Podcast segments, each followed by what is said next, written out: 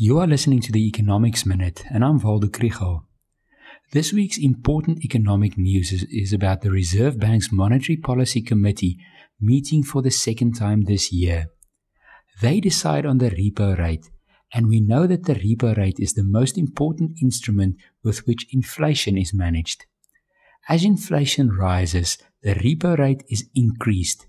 Consumers start spending less, sales fall, stock starts to accumulate, and sellers realize that they cannot raise prices further. But this works with a very long lag. If the repo rate is increased this week, price increases will not be stopped anytime soon. Conversely, if the repo rate is lowered, consumers will not immediately spend more and manufacturers will not invest and produce more in the short run. At the moment, there does not seem to be any pressure on prices from the demand side. Consumer confidence has improved slightly but is still negative. Business confidence has declined.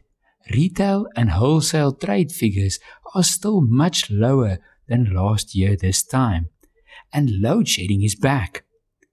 Cost drivers such as fuel prices and electricity tariffs may later lead to higher inflation.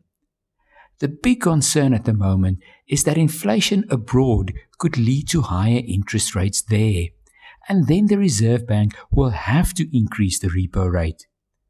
With all this in mind, the Policy Committee will probably leave the repo rate unchanged and wait and see what happens with the pressure on prices.